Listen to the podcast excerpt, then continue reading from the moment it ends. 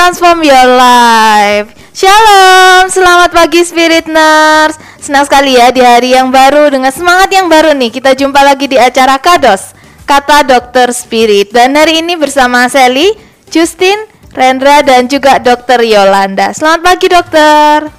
Pagi Sally. Dan hari ini kita akan membahas sesuatu yang menarik ya, hmm. karena ini sedang booming ya. sekarang. Yaitu apa dok? Kita hari ini akan bahas tentang apa nih? Kita hari ini mau bahas tentang vaksin COVID. Nah, vaksin COVID. Pasti spiritnya semua udah mulai nah, tertarik ya. Gimana dok? Yang lagi ini ya, lagi-lagi banyak diperbincangkan ini ya. Ya, lagi banyak diperbincangkan. Dan buat spiritnya semuanya yang mau bertanya, pasti langsung ingin bertanya-tanya ya juga tentang vaksinasi COVID ini.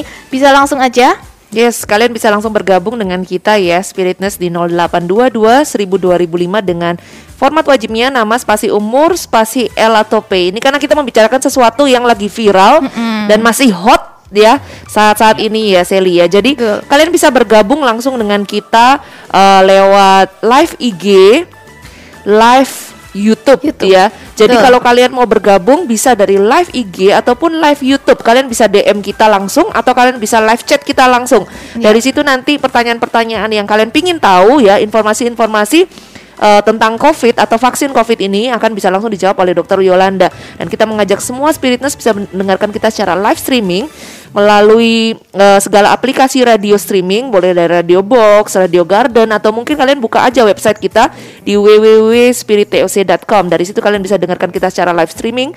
Jadi mungkin tidak perlu menggunakan radio di mobil atau radio yang uh, di rumah gitu kan. Yeah. Kalian bisa lihat uh, atau dengarkan kita lewat aplikasi lewat aplikasi yang ada radio streamingnya atau kalian buka aja di YouTube, buka aja Instagram, kita lagi live di situ.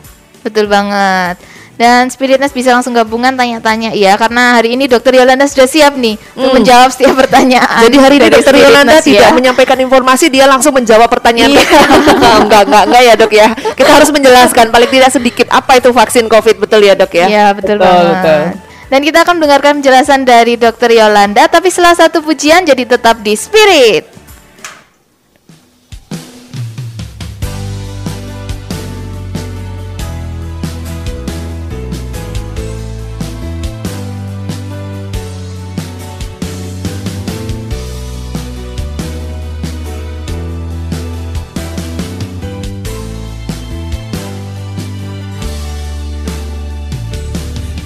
Pejamkan mataku berdoa padamu Membawa hatiku yang selalu rindu. Memujimu, menyembahmu Oh Yesus Tuhanku. Ku datang serahkan hidupku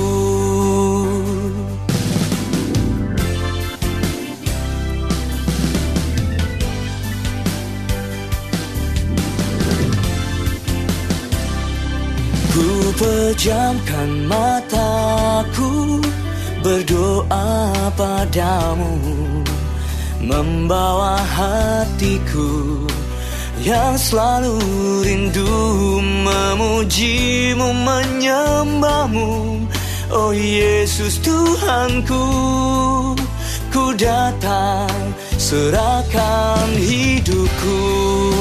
Ini aku Segenap hatiku Tuhan Memanggil namamu. Nama yang kudus Agung dan mulia. Oh Yesus Tuhanku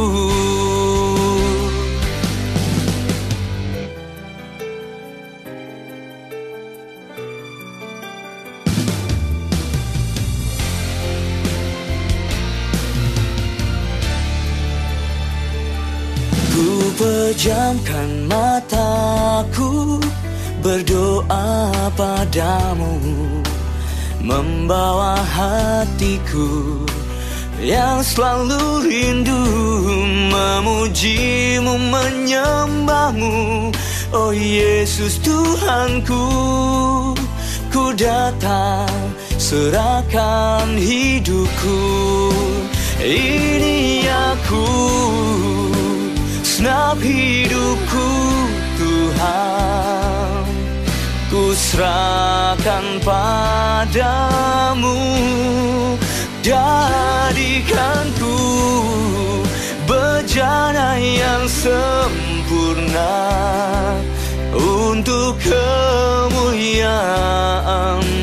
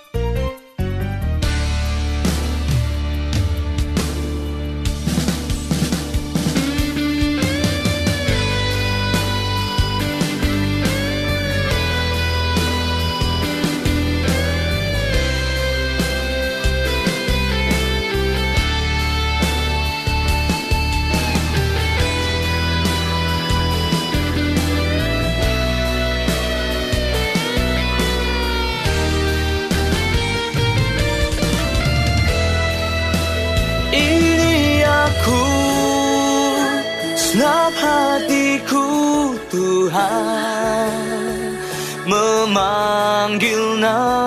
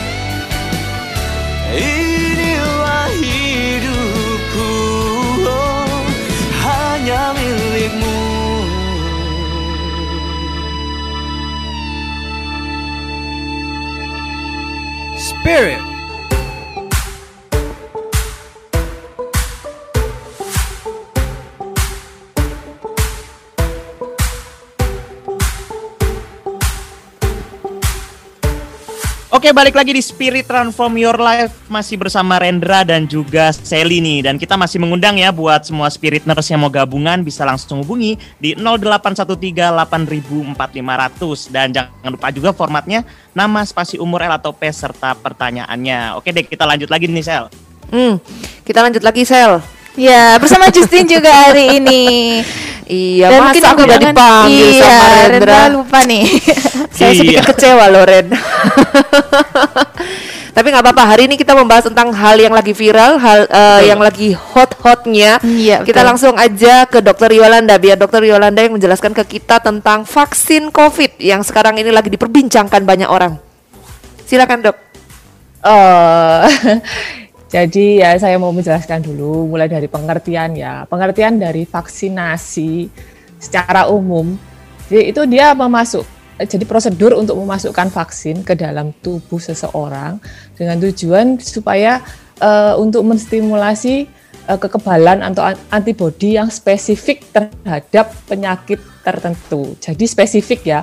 Jadi bukan apa kalau vaksin COVID dia juga bisa melindungi penyakit yang lain? Enggak. Jadi kalau vaksin COVID dia eh, nanti apa tujuannya untuk membangkitkan membangkitkan kekebalan dari eh, terhadap penyakit COVID.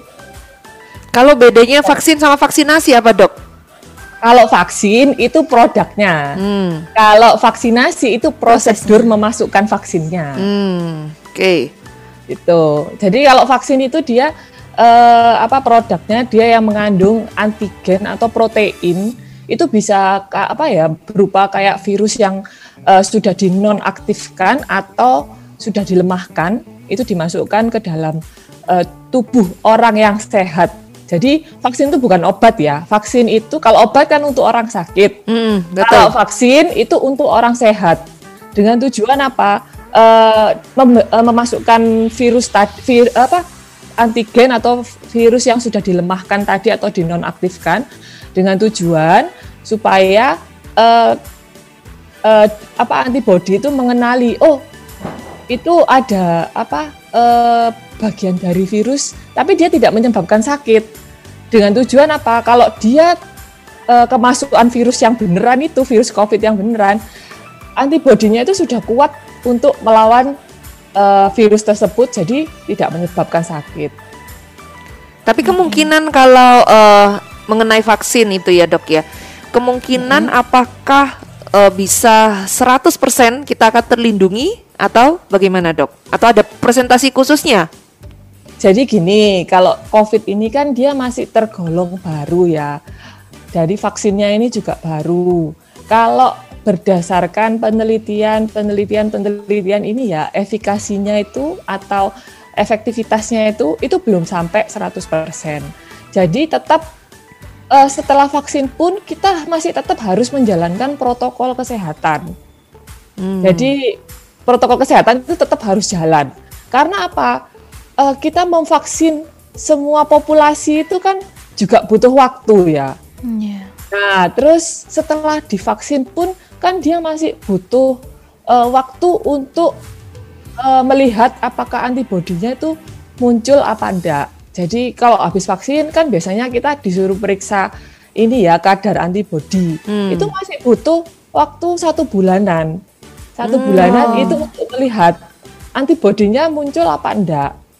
Oh, Nah, itu nanti nah itu jadi selama ini ya kita masih yang paling baik sih ya tetap ini ya tetap menjalankan protokol kesehatan sambil menunggu vaksinnya ini sud, apa sudah sudah apa ya sudah populasi di Indonesia ini sudah divaksin semua mungkin baru ini baru bisa dilihat lagi eh, status pandemi ini bisa dicabut apa enggak. Oke. Dan kalau untuk kita ya dok, atau ap- apa ada syarat khusus gitu untuk kesehatan yang boleh divaksin tuh yang seperti apa gitu? Eh, kalau untuk syarat khusus ya, sementara ini memang eh, kan penelitiannya ini kan masih masih baru. Nah ini eh, belum sampai ke populasi yang eh, misalnya kayak usia eh, di bawah 18 tahun atau di, di atas usia 59 tahun. Terus ada penyakit-penyakit tertentu masih ditunda. Bilangnya ditunda ya, jadi bukan tidak boleh, tapi ditunda. Oke, kita berarti kita ada pembenaran di sini ya dok ya, bukan tidak boleh, tetapi masih Ya, ditunda. masih ditunda. Hmm. Jadi menunggu penelitian eh, untuk keamanan dari populasi yang tadi itu. Jadi misalnya seperti dia mempunyai penyakit autoimun, Hmm, terus dia punya misalnya hipertensi, mm-mm. eh, terus misalnya seperti dia punya penyakit apa ya Diabetes gitu ya. atau apa dan lain-lainnya penyakit ginjal apa itu masih eh, masih penelitiannya itu jadi penelitian dunianya itu masih itu masih diteliti Hmm. nah dari dari pemerintah sendiri akhirnya memutuskan itu dieksklud dulu jadi tidak dimasukkan ke eh, yang bisa divaksin untuk sementara jadi ini statusnya itu bukan tidak boleh tapi ditunda dulu Betul. Setelah dilakukan penelitian dulu supaya lebih jelas apakah vaksin Iya. ini Hmm, benar-benar tidak ada efek samping untuk orang-orang yang punya penyakit-penyakit tertentu itu ya, betul ya, Dok ya? ya betul Jadi sebenarnya bukan eh, bukan tidak divaksin atau tidak boleh divaksin, tetapi masih diteliti dulu lebih lanjut karena ada penyakit-penyakit tertentu yang memang eh, masih belum diketahui efek sampingnya bakalan jadi seperti apa kalau divaksin COVID ini, betul ya, Dok ya? Ya, jadi belum di ini ya, belum belum jelas untuk ini untuk yang kelompok tadi ya, yang tak, tak bilang tadi yang dia punya penyakit penyerta itu, Hmm. misalnya kayak hipertiroid itu eh, apa hipertensi, terus autoimun itu dia masih ya itu penelitiannya masih masih masih berjalan. Itu Jadi kan- sementara di Mm-mm. benar-benar dipilih yang benar-benar kelompok yang sehat. yang eh, di bawah yang di, antara 18 sampai 59 tahun. Hmm, Sekarang betul. Kita masih berbicara tentang kriteria yang menerima vaksin ini, Dok. Bagaimana itu kalau dengan penyakit-penyakit yang lain ya? Bagaimana dengan mereka yang masih eh, di bawah 18 tahun atau yang sudah berumur di atas 59 tahun? Jadi mereka yang masih anak-anak, eh, yang masih remaja sama mereka yang sudah benar-benar eh, lansia di atas umur 60 60 tahun. eh ya itu nanti nanti akan eh, ada ininya, ada ada apa ya pengumuman nanti dari eh, BPOM dari pemerintah yang akan eh, boleh divaksin. Nah itu nanti kita akan mengikuti. Jadi Hmm. dengan segala ininya ya, dengan segala pelaksanaannya, perencanaan dan pelaksanaannya, nanti itu kita mengikuti dari sananya. Hmm, tapi tetap ada waktu khusus nanti untuk eh, bisa memvaksin anak-anak dan juga mereka yang lansia, Ada. betul ya dok ya. Pasti ada, heeh, pasti tetapi ada. tetapi tetap eh, yang diprioritaskan adalah mereka yang berumur 18 hingga 59 tahun dulu, begitu dok ya. Iya. Oke, kalau gitu eh, sebenarnya ya eh, ini satu kabar baik buat Ya. bangsa kita, buat negara kita Indonesia ya. Karena sebenarnya semua masyarakat memang pasti akan divaksin. Cuman ada eh, yang di lebih dahulukan dan Ya. juga ada yang masih diteliti dulu apakah vaksin ini cocok enggak ya, khususnya untuk penyakit-penyakit yang eh, yang lain itu yang seperti autoimun, hipertensi seperti yang dokternya bilang sampaikan tadi. Jadi semua masyarakat Indonesia sebenarnya bisa untuk divaksin, cuman masih menunggu eh, beberapa yang punya penyakit-penyakit penyerta itu masih menunggu, sedangkan yang untuk anak-anak dan lansia juga ada waktunya. Semuanya akan dijadwalkan untuk divaksin. Nanti kita akan bahas lagi bersama dengan Dokter Yolanda kapan sebenarnya vaksin ini kita bisa Menerimanya ya. Eh, semuanya pasti kita bisa tahu. ini Iya, kapan betul. ini dok karena kan beberapa orang sudah menunggu menunggu-nunggu ini Iya. sebenarnya ya beberapa orang sudah menunggu-nunggu kapan waktunya kita ini bisa divaksin maksudnya kalau bahasa Prancisnya dang cepet dang mari gitu. Ya Ya. supaya cepat selesai gitu kan. Supaya juga eh, paling tidak orang-orang eh, bisa sudah normal kembali seperti dulu. Tapi kita akan bahas lagi nanti setelah satu pujian berikut ini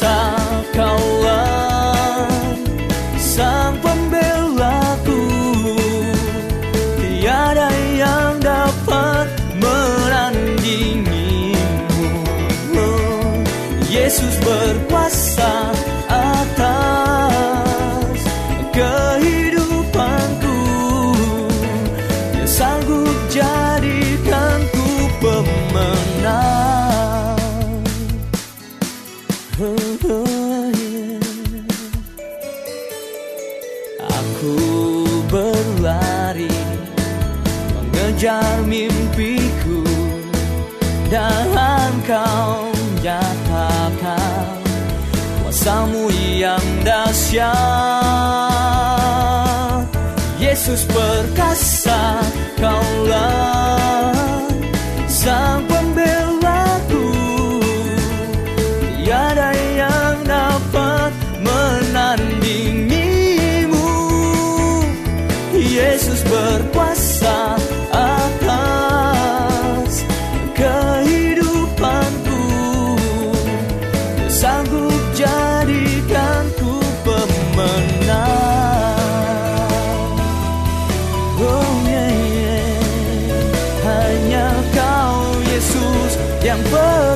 perkasa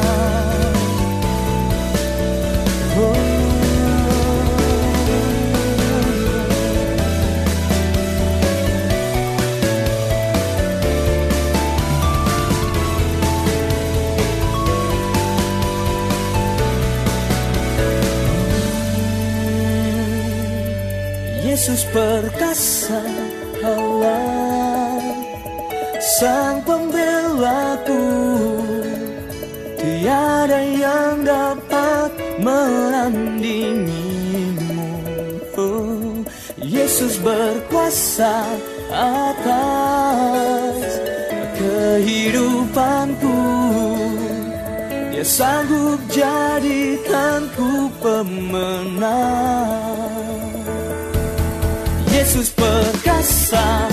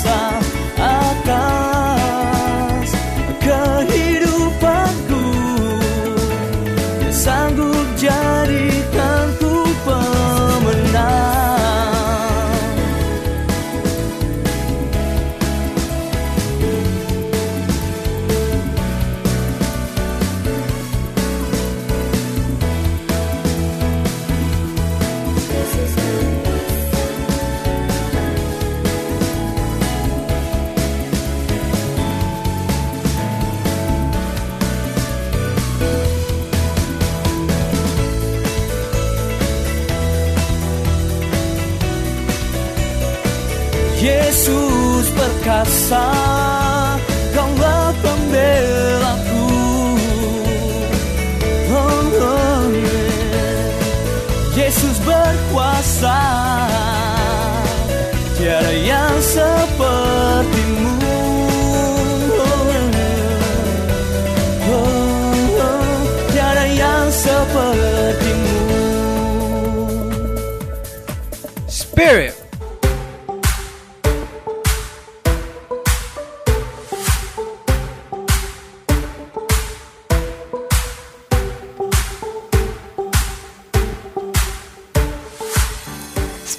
Transform Your Life. Masih di acara Kados Kata Dokter Spirit bersama Sally, Rendra, Justin dan juga Dokter Yolanda. Kalau tadi kita sudah sedikit membahas ya tentang kriteria Apa saja yang harus dimiliki ya untuk orang-orang yang mau divaksin Mungkin yang memiliki penyakit-penyakit tertentu masih ditunda dulu nih Tapi tetap boleh ya Spirit Nurse Dan sekarang yang pertanyaan yang ditunggu-tunggu ya Kapan kita menerima vaksin itu ya? Hmm, benar-benar itu yang kita sudah tunggu-tunggu ya, Ya, sekarang dokter. ini ya. Kapan vaksin ini kita bisa nikmati gitu dok?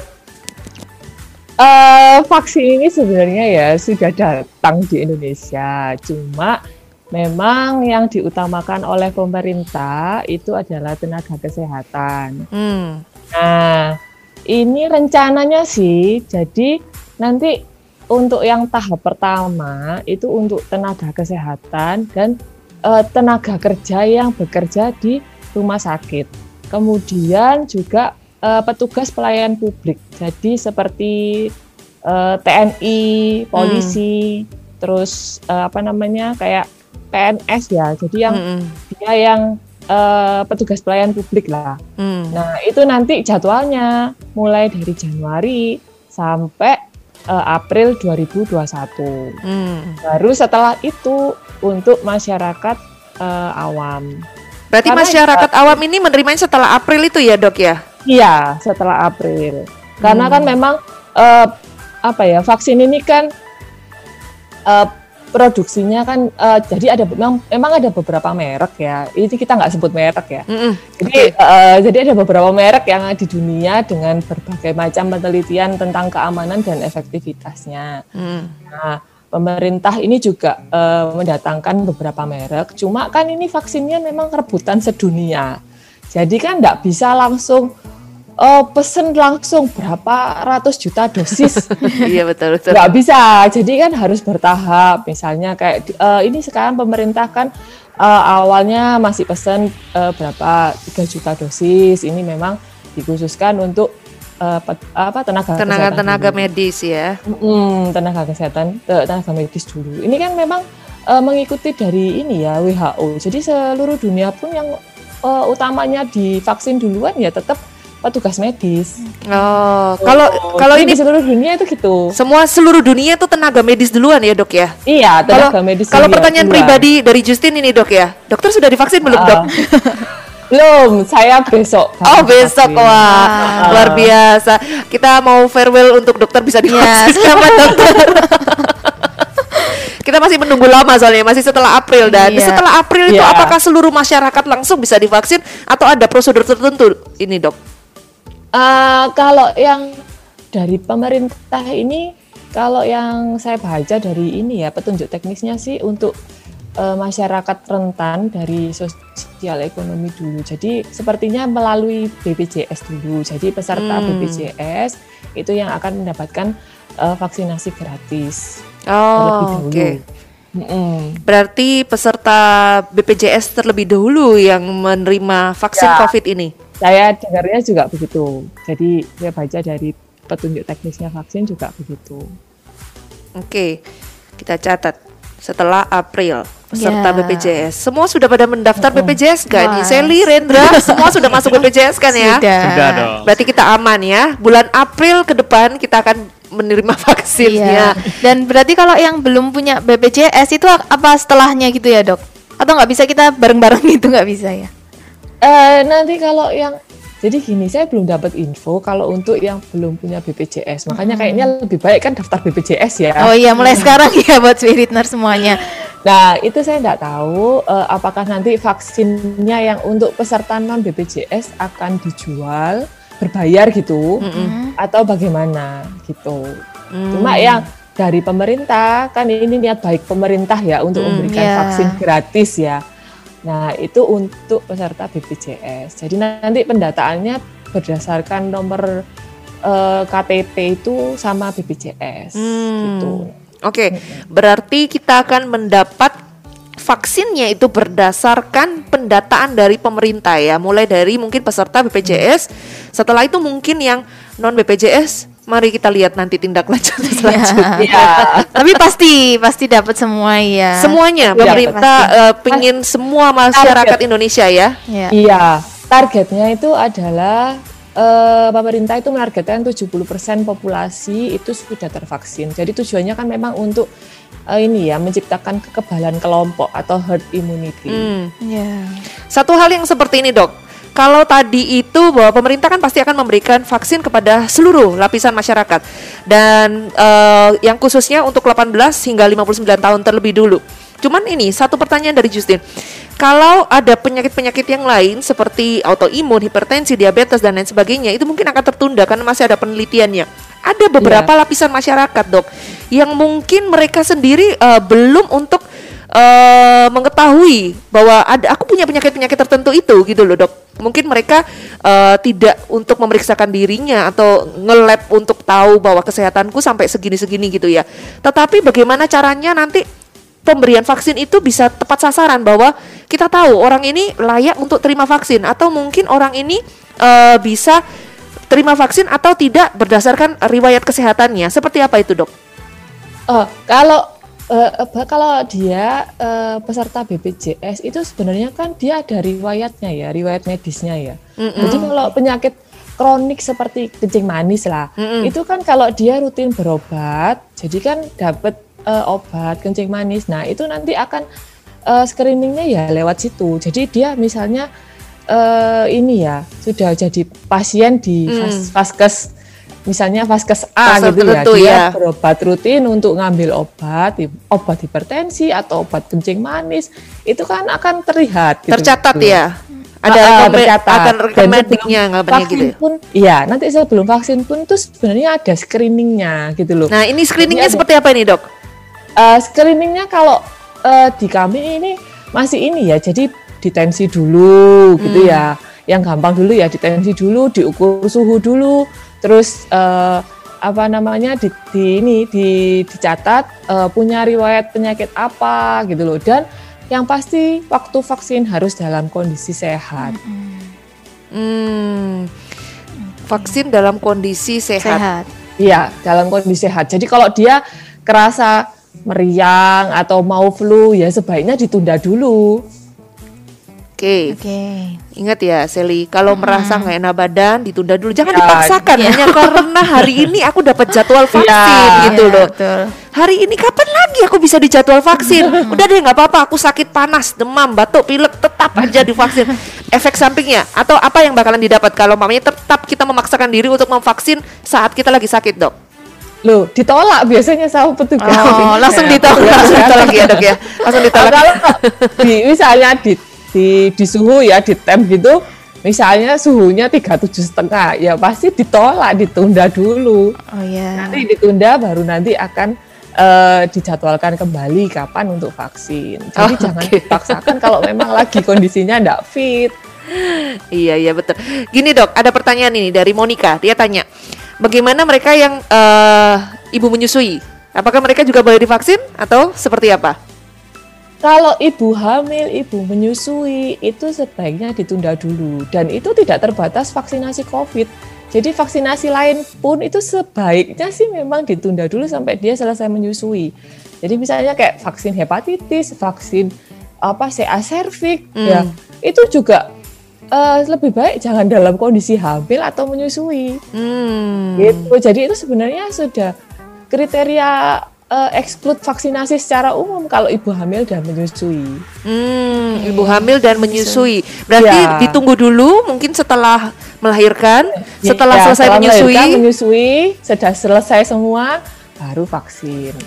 Tapi kalau kalau tetap umpamanya ya, eh, anggaplah masih menyusui, terus habis itu sudah terjadwal untuk divaksin gitu kan dok. Terus habis itu kita tetap untuk vaksin gimana dok? Apa efek sampingnya? Loh, ya efek sampingnya sih ya kita tidak tahu. Tapi memang kalau eh, sebaiknya sih jangan dipaksakan lah gitu loh. Iya, Jadi takutnya kalau- berbahaya ya Nah, nanti ya. eh, Tidak hanya iya, buat diri ya, sendiri tapi itu- juga buat anaknya nanti yang disusui. Iya, yang disusui. nanti takutnya kan ada ini ya ke anaknya itu. Karena kan ya ini kan anggapannya kan kalau vaksin itu kan kita eh, memasukkan bagian komponen dari virus ya. Meskipun virus ini sudah dilemahkan atau sudah diinaktif, tapi kan itu eh, juga ada potensinya gitu loh. Pasti potensi eh, ada efek sampingnya yang bisa mungkin ke anaknya juga. Jadi memang lebih baik sih jangan eh, ditunda dulu lah. Sabar, sabar, Ya, ya. sabar dulu. sabar. harus lebih sabar. Ini ini ini ini banyak sekali yang akan jadi pertanyaan bahwa kapan vaksin datang, Ya. ya siapa aja yang bisa divaksin, siapa duluan yang dapat vaksinnya gitu kan.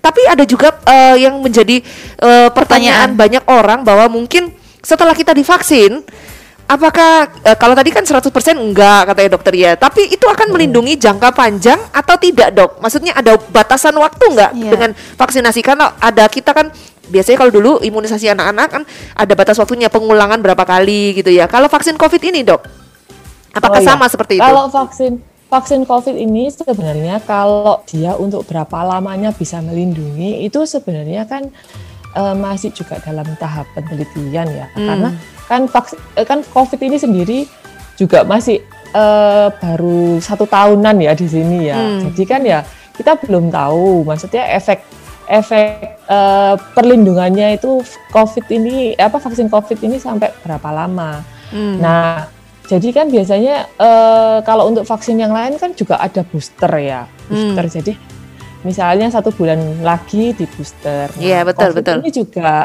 Jadi kalau yang eh, merek yang dari Tiongkok ini yang didatangkan pemerintah awal tahap ini ini memang ada boosternya. Jadi bukan yang single dose gitu. Jadi ya. ada pengulangan untuk nanti Eh, ada di vaksinnya. pengulangannya. Heeh. Hmm, oke oke dok. Dan buat spiritnya semuanya sekali lagi kita ajak kalian untuk bisa bergabung. Kalian boleh bertanya apa saja. Hari ini kita membahas tentang hal yang lagi viral akhir-akhir ini tentang vaksin COVID. Kalian bisa bergabung di mana Rendra? di 0822 1000 2005 dan juga jangan lupa juga formatnya nama spasi umur L atau P serta pertanyaannya nih. Hmm, Justin. Jangan lupa juga kalian bisa eh, chat di kita, bisa lewat Instagram ya, direct message seperti tadi Monica. Monica tadi bertanya lewat Instagram. Eh, atau kalian bisa live chat chat. dengan kita melalui YouTube karena kita live dari Instagram dan live di YouTube. Kita juga live streaming di segala aplikasi radio streaming. Kalian tinggal buka aja website kita di www.spiriteoc.com www.spiriteoc.com Kalian bisa dengarkan kita secara live streaming. Kita hari ini membahas tentang vaksin COVID.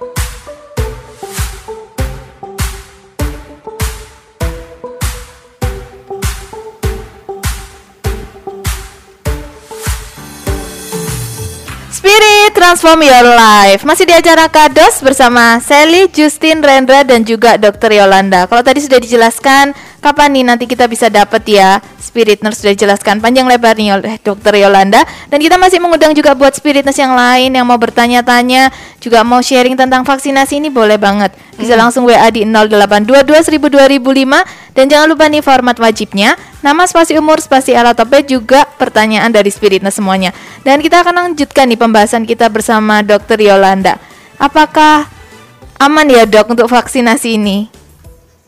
Kalau vaksin ya aman, pasti aman. Karena kan kalau untuk ujinya itu yang diuji oleh dunia loh ya, itu pasti yang pertama adalah keamanannya. Hmm. Nah, kalau tidak aman kan tidak mungkin ya diedarkan. Jadi kalau aman pasti aman. Tapi apa mungkin ada efek sampingnya gitu dok dari efek vaksin samping ini? kalau efek samping ya, eh, kalau vaksin biasanya sih eh, ada beberapa vaksin kan kalau apa namanya habis divaksin kan kerasanya kayak pegel-pegel. Misalnya ta- apa eh, lokasi suntikannya itu loh kerasa Iya. kayak pegel. Itu biasanya ada. Cuma berdasarkan ini ya, ini teman-temanku yang sudah divaksin sih sudah tak tanyain, malah ada yang bilang habis vaksin ngantuk, ada yang bilang habis vaksin kok jadi laparan. Waduh, Waduh, waduh, waduh, bahaya laparan yang maksudnya sampai sampai nggak ada yang sampai gawat-gawat serius sih nggak ada. Loh, dok, tapi yang tadi eh, eh, efek samping yang kedua itu bahaya loh buat kita dok. Apalagi para wanita-wanita. Kita nggak boleh laporan kita menggendut. Enggak, enggak. Tapi kita akan mungkin untuk setiap eh, orang-orang Setiap orang. berbeda-beda ya kan tergantung juga bagaimana eh, Beda, tubuhnya- reaksinya beda. Betul, tubuhnya menanggapi vaksin itu ya dok ya. Cuman kalau tadi Rendra itu Hmm, sempat tanya meresponnya ya. Eh, dok tadi sempat eh, ditanyain Rendra itu vaksin itu katanya sekarang sampai eh, uji klinis yang tahap berapa gitu kan itu juga ada perdebatan dari masyarakat kan ya. Ya, Eh, kalau yang ini yang didatangkan pemerintah ini sudah menyelesaikan tahap tiga sih uji klinisnya. Jadi ya ini dan kalau berdasarkan penelitian eh, kita yang di Bandung kan ini kan yang ini kan dia bekerja sama yang dengan pabrik yang di Bandung ya. Hmm. Itu katanya sih efektivitasnya sampai 65%. Di mana itu sebenarnya sudah lolos sih kalau menurut kriteria WHO Hmm. dengan eh, eh, efektivitas di atas 50% itu sebenarnya sudah bagus gitu. Hmm. Kalau uji, uji keamanannya sih aman sih, jadi tidak ada yang sampai menyebabkan dia sampai mat- meninggal itu tidak ada, Hmm. jadi aman. Oke, Rendra juga sempat tadi ada tanya Ren. Itu pertanyaanmu bagus tadi Ren. Oke, mungkin kalau mungkin orang yang sudah terinfeksi nih, nah katanya orang terinfeksi ini kan udah terkumpul ya, ada antibodinya gitu, apa masih perlu divaksin lagi nih dok? Kalau untuk penyintas COVID, dia yang sudah sembuh, dia terinfeksi dan sudah sembuh, itu sebaiknya sih eh, ditunda dulu, karena kan dia sudah punya antibodi alamiahnya.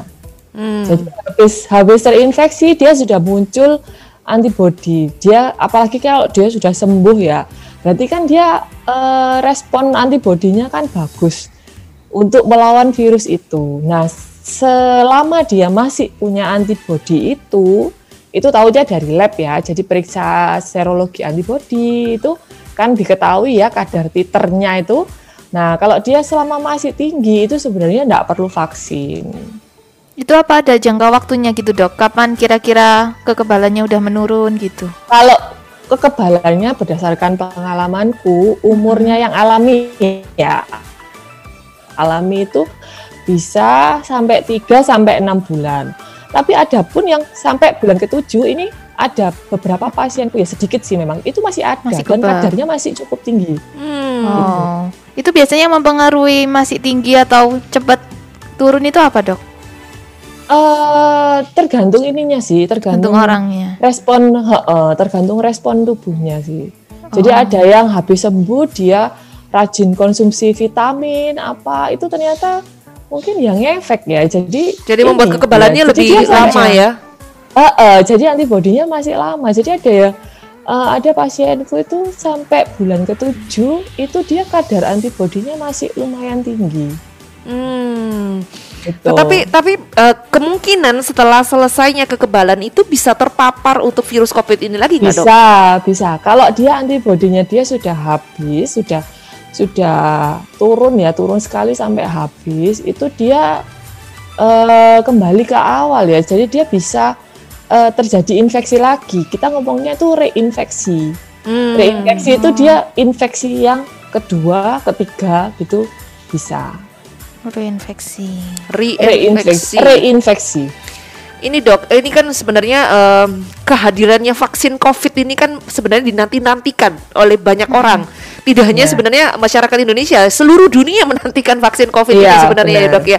Jadi eh, makanya dari itu kita harus ngantri sebenarnya. Cuman gini, selama kita masih menunggu vaksin COVID ini untuk eh, setiap masyarakat yang mungkin eh, masih dalam keadaan sehat-sehat saja, apakah kita perlu untuk divaksin yang lain dulu dok seperti ada beberapa orang bilang aku vaksin flu dulu aja deh untuk eh, paling tidak menghindarkan aku dari eh, vaksin eh, dari covid ini sehingga nanti menunggu vaksin covid datang apakah seperti itu boleh atau seperti apa bedanya vaksin flu Boleh, vaksin boleh. covid Ah, kalau vaksin flu dia akan eh, melindungi dari eh, apa bakteri Haemophilus influenza. Hmm. Nah itu kan gejalanya juga seperti COVID ya, flu-flu gitulah. Mhm. Nah itu sebenarnya menurutku perlu sih. Jadi untuk ini ya, jadi supaya eh, kalaupun eh, dia sampai amit-amit sih dia juga terpap eh, terinfeksi COVID. Hmm.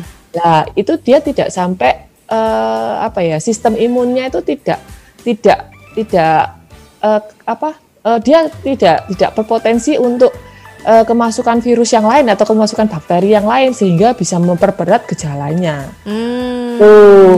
Nah, itu kan bisa dibantu oleh vaksin flu gitu ya misalnya. Iya. Eh, eh, jadi dia tidak sampai berat gitu. Itu boleh sih. Jadi eh, kalau bisa dia misalnya ada ada apa ya eh, kemampuan untuk vaksin eh, flu atau pneumonia itu boleh. Oke berarti untuk menghindari infeksi sekundernya lah. Kalau dia sampai amit-amit terkena COVID. Gitu. Oke, berarti tidak masalah ya dok, tidak tidak saling berlawanan ya antara nanti vaksin flu, eh nanti aku mau vaksin COVID lagi tidak. gitu Karena ya. kan memang eh, kalau vaksin flu ya dia spesifik terhadap eh, Penyakit flu ini aja ya. ha, eh, flu yang disebabkan hemovirus influenza itu. Sedangkan kan kalau COVID lain lagi ya coronavirus ini ya. Iya, lain. Oke oke oke. Berarti sudah menjawab paling tidak pertanyaan-pertanyaan orang selama ini. Aku kalau mau vaksin eh, sebelum vaksin COVID, aku vaksin flu. Nanti aku vaksin COVID lagi gimana? Karena kurang lebih kan pikir mereka gejalanya sama ya. Ya. Pikirnya isiannya Ya. juga sama. Ternyata sebenarnya berbeda ya virusnya Beda. ya.